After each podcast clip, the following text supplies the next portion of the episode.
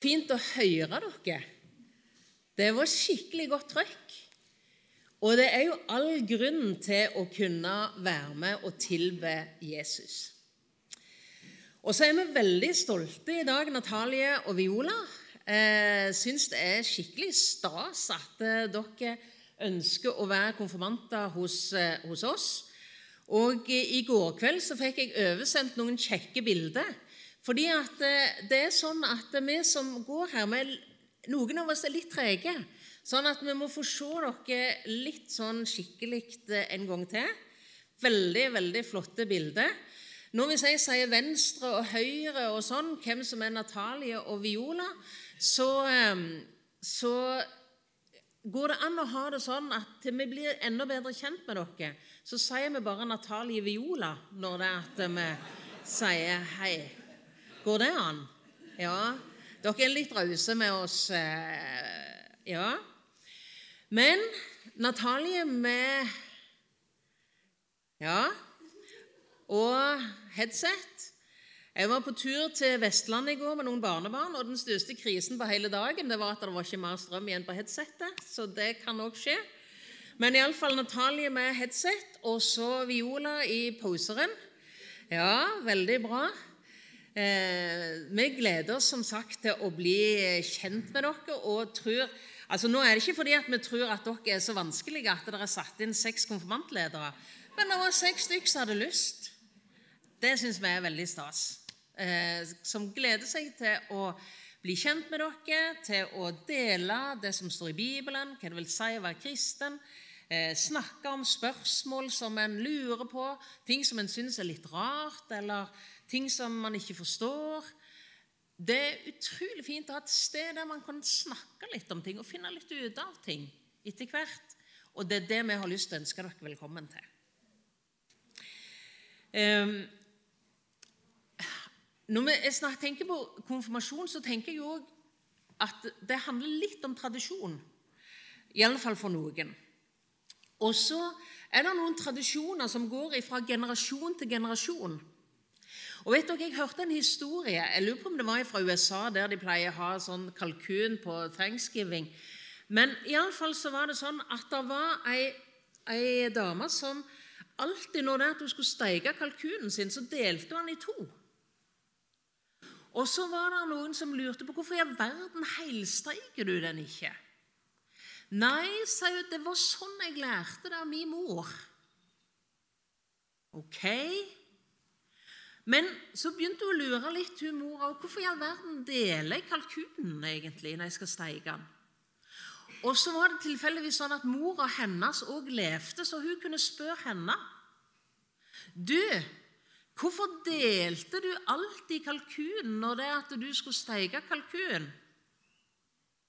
Og så så hun gamle mor på henne, og så sier hun Du, sa hun, det var fordi at jeg hadde så liten stekeovn at jeg fikk ikke inni hele kalkunen på en gang.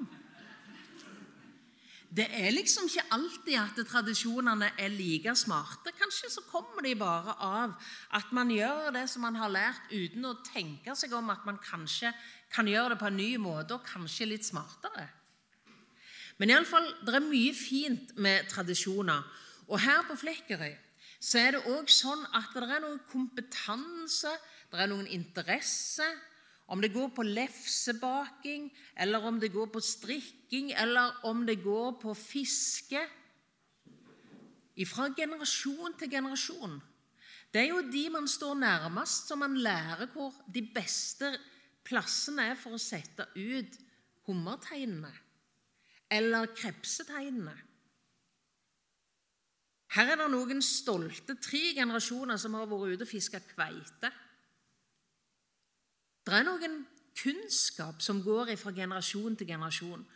Og I vår forsamling så har vi det sånn dette året her at man har et tema som heter 'levende tro gjennom generasjoner'. Nå er det sånn at Gronita hun er like ung og pen i dag som hun var på dette bildet, men de guttene de er noen år eldre. Så det er noen år eldre det Biela. Det er noen år siden man tok det bildet. Men jeg syns det var en sånn fin illustrasjon på at man ønsker å gi noe videre til neste generasjon. Noe som er verdifullt, noe som er betydningsfullt for oss sjøl. Noe av det beste i livet, liksom. Det vil vi gi videre. I Bibelen så kan vi òg lese om ei levende tru, ei tru på Gud, ei tru på Jesus, som går fra generasjon til generasjon. Her er det Paulus som skriver til sin unge venn Timoteus. Han minner på en måte Timoteus om at Timoteus, jeg glemmer ikke den trua, den oppriktige trua som bodde først i din mormor, og så i din mor, og nå bor den trua i deg. Det er noe som man gir videre fra generasjon til generasjon.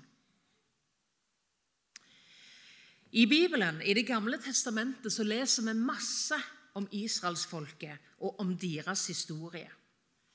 Og den lærer oss mye om Gud og om å være en del av Guds folk.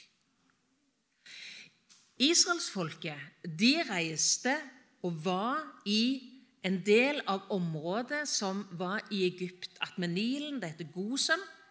Og Der var de i mange år. og Etter hvert så ble de så mange at kongen i Egypt han var redd for at israelsfolket skulle overta herredømmet i landet hans. Og Derfor så plagte han dem. Først så gjorde han dem til slaver for å bygge disse svære Hva er det det heter for noe? Pyramidene. ikke sant? For å bygge de svære pyramidene. Men så så han at de ble fremdeles mange. så Tenk han bestemte at de små skulle bli drept, barna som ble født. Israelsfolket hadde det kjempevondt i Egypt. Og de ropte til Gud du må hjelpe oss Du må hjelpe oss hjem igjen til landet som vi reiste ifra, til Kanan. Og så kom Gud til dem gjennom Moses. Og så kunne vi lese spennende i innledningen til andre Mosebok om hva som skjedde når Gud skulle føre folket sitt ut av Egypten og gjennom ørkenen helt til de skulle komme til det nye landet sitt. Vi kan lese om hvordan Gud var med dem og hjalp dem på forskjellige måter. Men det som jeg skal bruke mest tid på i dag, det er faktisk når de nærmer seg Kanan. Når de nærmer seg det landet. Det har gått ca. 40 år. Moses han er død. De har fått en ny leder som heter Josva. Og Det står der om i Josvas bok hva som skjedde når de skulle komme inn i Kana. Men de hadde et problem. Og Problemet det var at det var ei stor elv de måtte over. Og Der var det ingen Golden Gate eller andre store bruer. Der var det ikke en gjeng med flåter eller båter som lå langs elva, klar til å frakte de over. Nei, faktisk så står det i Josva kapittel 3 at det var en kjempeflom i Jordanelva. Nå har vi sett noen bilder på TV ikke sant? om de store flommene som har vært på Østlandet, som har revet med seg all verdens. Altså, Det var flom i Jordanelva og gikk over sine bredder, står det. Og så Hvordan skal vi komme oss over? Hvor skal vi komme oss over? Og så er det at Gud forteller til Josva at dere har ei paktsark der de ti bud ligger, de store steintavlene. Noen prester som bærer den paktsarken, de skal gå ned i elva. Og vet dere at når de setter beina sine i elva, den som flømte så veldig, og en ser for seg de sterke strømmene når de setter foten sin nedi, så stanser elva litt lenger oppe. Tenk at det går an at Gud gjør sånne ting. Vannet bare stoppet. Og det ble stående der som en gedigen vegg.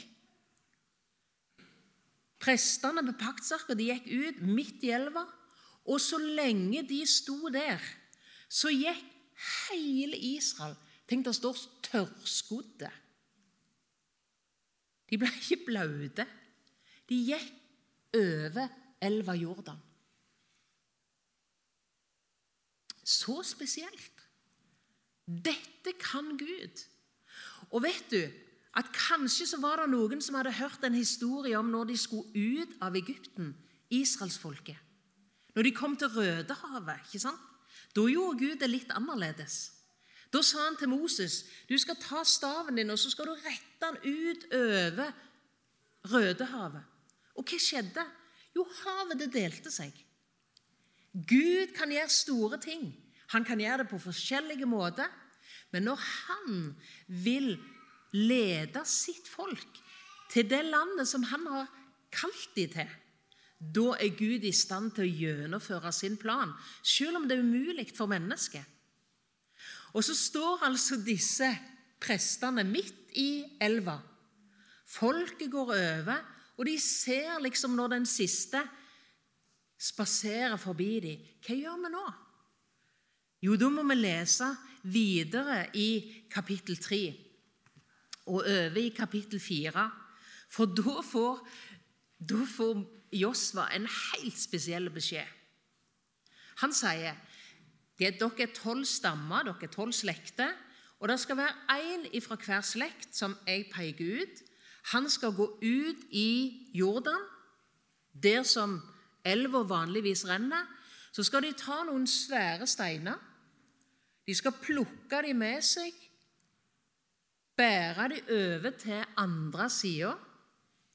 Og så skal dere bygge en slags varde, eller sette dem opp på elvebredden. Og hvorfor skulle de gjøre det? Nå skal jeg lese to vers, så skal du få vite det. Disse steinene skal være et tegn blant dere når deres barn i framtiden spør hva er dette for slags steiner. Da skal dere si til dem Jordans vann delte seg foran Herrens pakts ark. Da den kom ut i Jordan, delte Jordans vann seg, og disse steinene skal være til minne om dette for Israels barn til evig tid. Vi kan jo se det for oss. ikke sant? Når det er at israelsfolket, og barna senere så de steinene som lå så spesielt Hva er dette slags steiner? Jo, nå skal du høre, gutten min. Dette er noen steiner som vi tok opp midt over elva, når Gud holdt vannet tilbake, når Han hjalp oss. Det er noen steiner som minner oss om hva Gud kan, om at Gud er trufaste, om at Gud er allmektige. Dette, jenta mi, dette er noen steiner som kan fortelle deg om at Gud, han ser, og Gud, han kan minnesteiner som kan hjelpe oss å huske. Vet dere at Rett oppi bakken her så står det en minnestein. Dere vet hva for en minnestein det er? sant? Det er en minnestein som står rett oppi bakken opp mot kirka. En minnestein over noen som falt i krigen. Vi legger ned blomster i alle fall på, på 17. mai. Et monument, en minnestein, som hjelper oss til å huske de som ga livet sitt for landet. De som freden som vi har, koster så dyrt. Freden er ikke selvsagt. Det er noen som kjemper for den. Vi skal snart ha valg. Vi kan diskutere hvilket parti er det lurt å stemme på. Men Tenk at vi kan leve i et demokrati. Tenk at vi kan leve i et land med fred. Det er noen minnesteiner, en rett her oppe. Mange krigsminnesmerker. Kjører vi på tur i Norge, noen har kanskje gjort det i ferien, så ser dere de der brune skiltene ikke sant? der det står 'krigsminne'. Det er noen minnesteiner om noe som skjedde. Vet dere at utenfor Gilgal i Israel der er det noen steiner. Noen minnesteiner som kan hjelpe oss til å dele historien videre. Historien om Guds hjelp, historien om ting som har skjedd. Ting som er viktig å ha med seg og lære av og ta med. Det står mange sånne, og mange sånne steiner i Bibelen. Jeg har lest litt om det nå. Jeg syns det er spennende. I første Samuels bok, det er også i Det gamle testamentet, i kapittel 7, der står det om at det har gått mange år, israelsfolket har kommet inn i landet, og så har de noen fiender som heter filisterfolket. Og der I kapittel 7 så står det om at de kom i krig imot israelsfolket. Og Israelsfolket var livredde, og de gikk til han som var profet for dem da, en som heter Samuel. Og så sa de, 'Samuel, du må be for oss. Du må be inderlig og masse og sterkt for oss.' For filistrene de er så mektige. De var redde de skulle tape krigen. Du må be for oss. Og så skal du høre hvordan Gud hjalp dem. Kanskje det er noen av dere som vet det. Men det var faktisk at Gud sendte et tordenvær. Et kjempesterkt tordenvær som forvirra hele filisterflokken, sånn at eh, de tapte krigen. Og så reiser Samuel opp en stor minnestein. Kaller han for Ebenezer. Det betyr 'hittil har Herren hjulpet oss'. Til nå har Gud hjulpet oss. Hjelpesteinen, minnesteinen.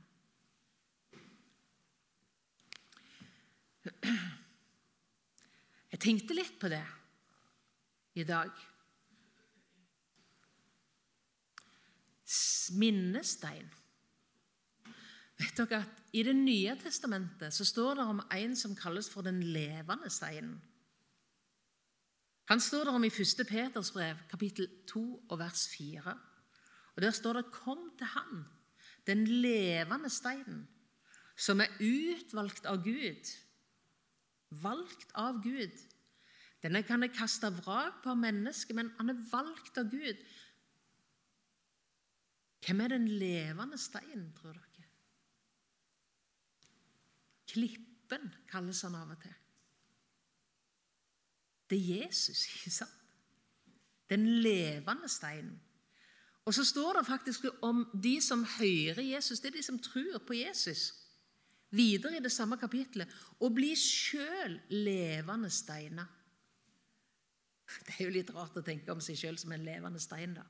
Men i alle fall Det er snakk om å bygge et åndelig hus, et tempel. Og Israelsfolket så for seg tempelet som de hadde i Jerusalem som besto av steiner, store steinblokker. Og så var det en hjørnestein som alt, hele byggverket hvilte på.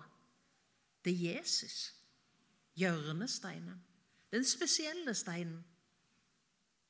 Å bli dere levende steiner, som del av et åndelig hus. Guds tempel, Guds hus. Det er spennende å lære Bibelen å kjenne. Det er spennende å lære Jesus å kjenne. Tenk å finne mer ut av hvem han er, og hvem vi er, sammen med han. Kom til han, den levende steinen. Vet dere at når jeg kom inn på bedehuset i dag, så ble jeg møtt av en sang. Og den syns jeg var så fin. Og de sang så fint. Spilte så fint. Kom til hans kors.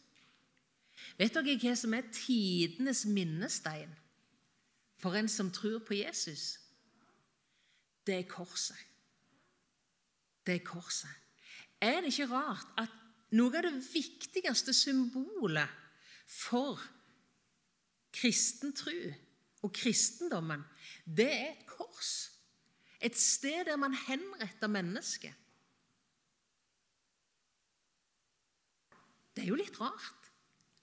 Men hvorfor er det vårt store minnestein? Hvorfor er det liksom det største av alt for en som tror på Jesus og, og for kristendommen? Korset. Jo, for det handler om at der ga Jesus livet for oss. Kom til hans kors, der han døde for oss. Der kan hjertet ditt falle til ro. Der vår Gud strakte armene ut, har hans kjærlighet bygget en bro. Alt som gikk galt i Edens hage. åpner opp til ny mulighet for fellesskap, tilgivelse for synd, veien til himmelen. Korset. Korset, kjærlighetens skjønne symbol, det er for alltid sangen i mitt liv. Korset. Jesus. Når vi ser et kors, så kan vi tenke på Jesus. Korset kan være en bekjennelse, et smykke. ikke sant? Noen har et smykke som betyr noe mer enn et smykke. Et kors som forteller meg hvem jeg tror på, hvem som er viktige for meg. Kom til hans kors. Jesus. Bli mer kjent med han. Og Det tenker jeg er flott å tenke på sånn i forhold til det med å starte på en konfirmanttid. Det er noe å bli kjent med, sant? finne ut av. Mm.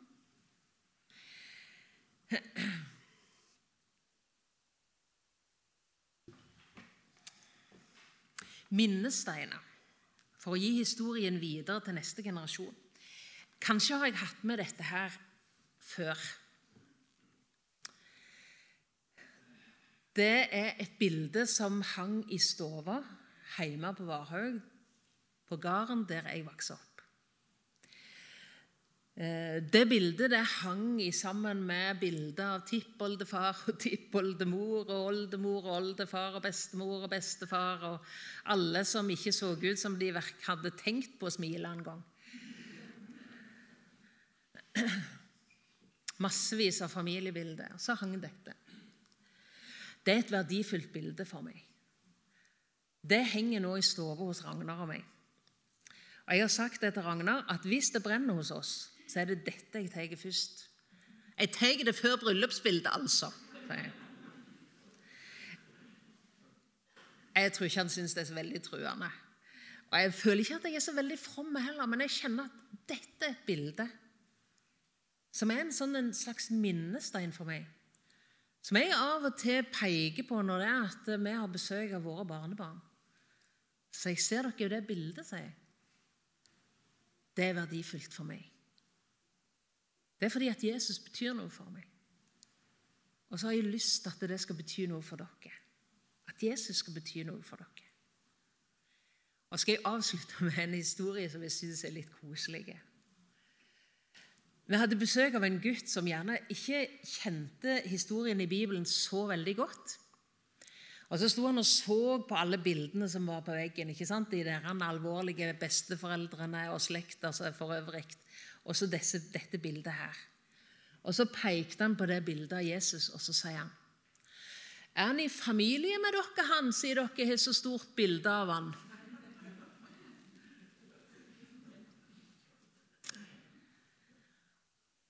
Og så har jeg tenkt på det seinere, og så har jeg tenkt det er min storebror. Det er Jesus. Det er Jesus. En minnestein. En anledning til å få lov å si noe om Jesus. Kanskje vi skal tenke på hva vi har med av sånne minnesteiner. Kan vi ha noen sånne? Bilder eller et eller annet. En kjøleskapsmagnet eller et vers eller en minnestein som gir en anledning til å tenke på hvem Gud er.